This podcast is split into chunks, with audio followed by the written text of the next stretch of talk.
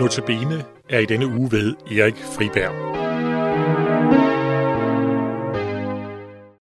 Velkommen til dagens Notabene-program. Advent, som jeg allerede nævnt, kommer af det latinske Adventus Domini, Herrens komme.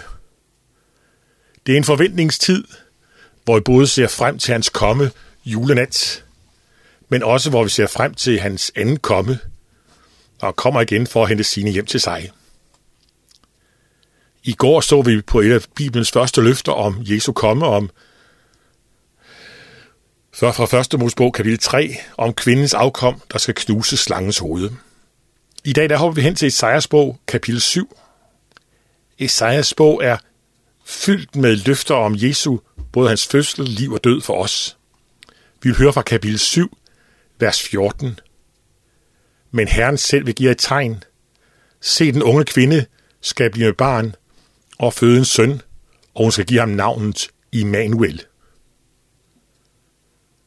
Det omtales den unge kvinde, der bliver med barn. Og vi, der er opvokset med den tidlige oversættelse, vi husker, der stod der, jomfruen bliver frugtsommeligt. Begge, om det er den unge kvinde eller jomfruen, begge det, det kan oversætte, hebraisk hebraiske oversættelse kan oversættes til begge dele. Men øh, i den øh, læser man i den græske oversættelse fra ved cirka 200 før Jesu fødsel, den der hedder Septuaginta, der oversættes den med jomfruen. Så man ikke også det er sådan, men læste det dengang. Verset, det er i en sammenhæng, hvor Esajas taler med kong Akas og lover om et tegn i en helt konkret situation. Men mange profetier i Gamle Testamente, de har også flere opfyldelser. Og den her, ja, den har man altid læst som pegende hen på Jesu fødsel. Og når vi gør det, så har vi det også i trygge rammer, for så er vi på Bibels grund. Matthæus, han ser det det samme.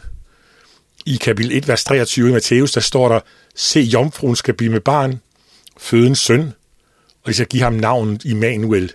Det betyder Gud med os. Allerede her, små 800 år før Jesu fødsel, der forudser Esajas det. Det er stort. Og jeg læser helst, som det gjorde i den gamle oversættelse, Jomfruen, for at understrege, at, det, at Jesu mor var en jomfru, og det er vigtigt.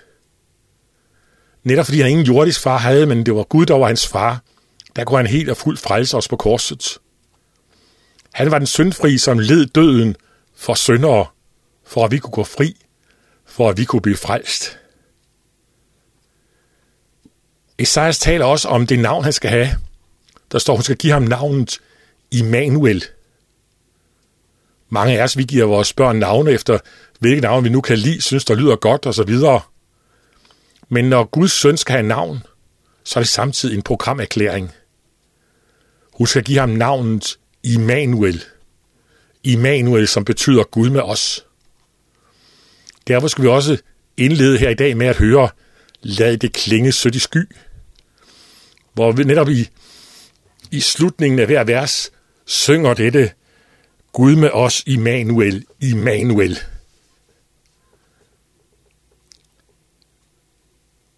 Isaias forudsagde, at jomfruen skulle føde et barn, det som skete julenat, og barnet skulle have navnet Immanuel, som betyder Gud er med os. Gud ønsker at være med os. Derfor sendte han sin søn til jorden for at frelse os, for at vi ikke skal dø, men leve. Og han ønsker at være med os i alle livets forhold. Gud med os, Immanuel, Immanuel, som pigekor sang. Det er forunderligt. Så mange år før forudsiger profeten, hvad der skal ske, og peger på, Gud er med os, Immanuel.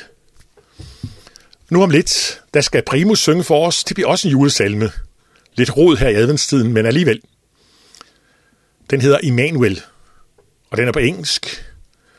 Den tager netop udgangspunkt i det vers her fra Esajas.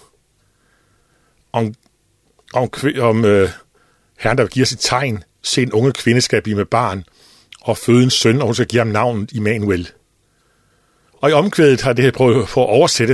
Jeg er ikke så god til engelsk, men prøv at lytte til det. Der synger de Immanuel, hvor Gud er med os. Og hvis Gud er med os, hvem kan da stå imod os? Hvor Gud er med os, Immanuel. Er det ikke herligt, hvor Gud er med os, Immanuel? Vi vil bede. Herre, tak at du har navnet Immanuel.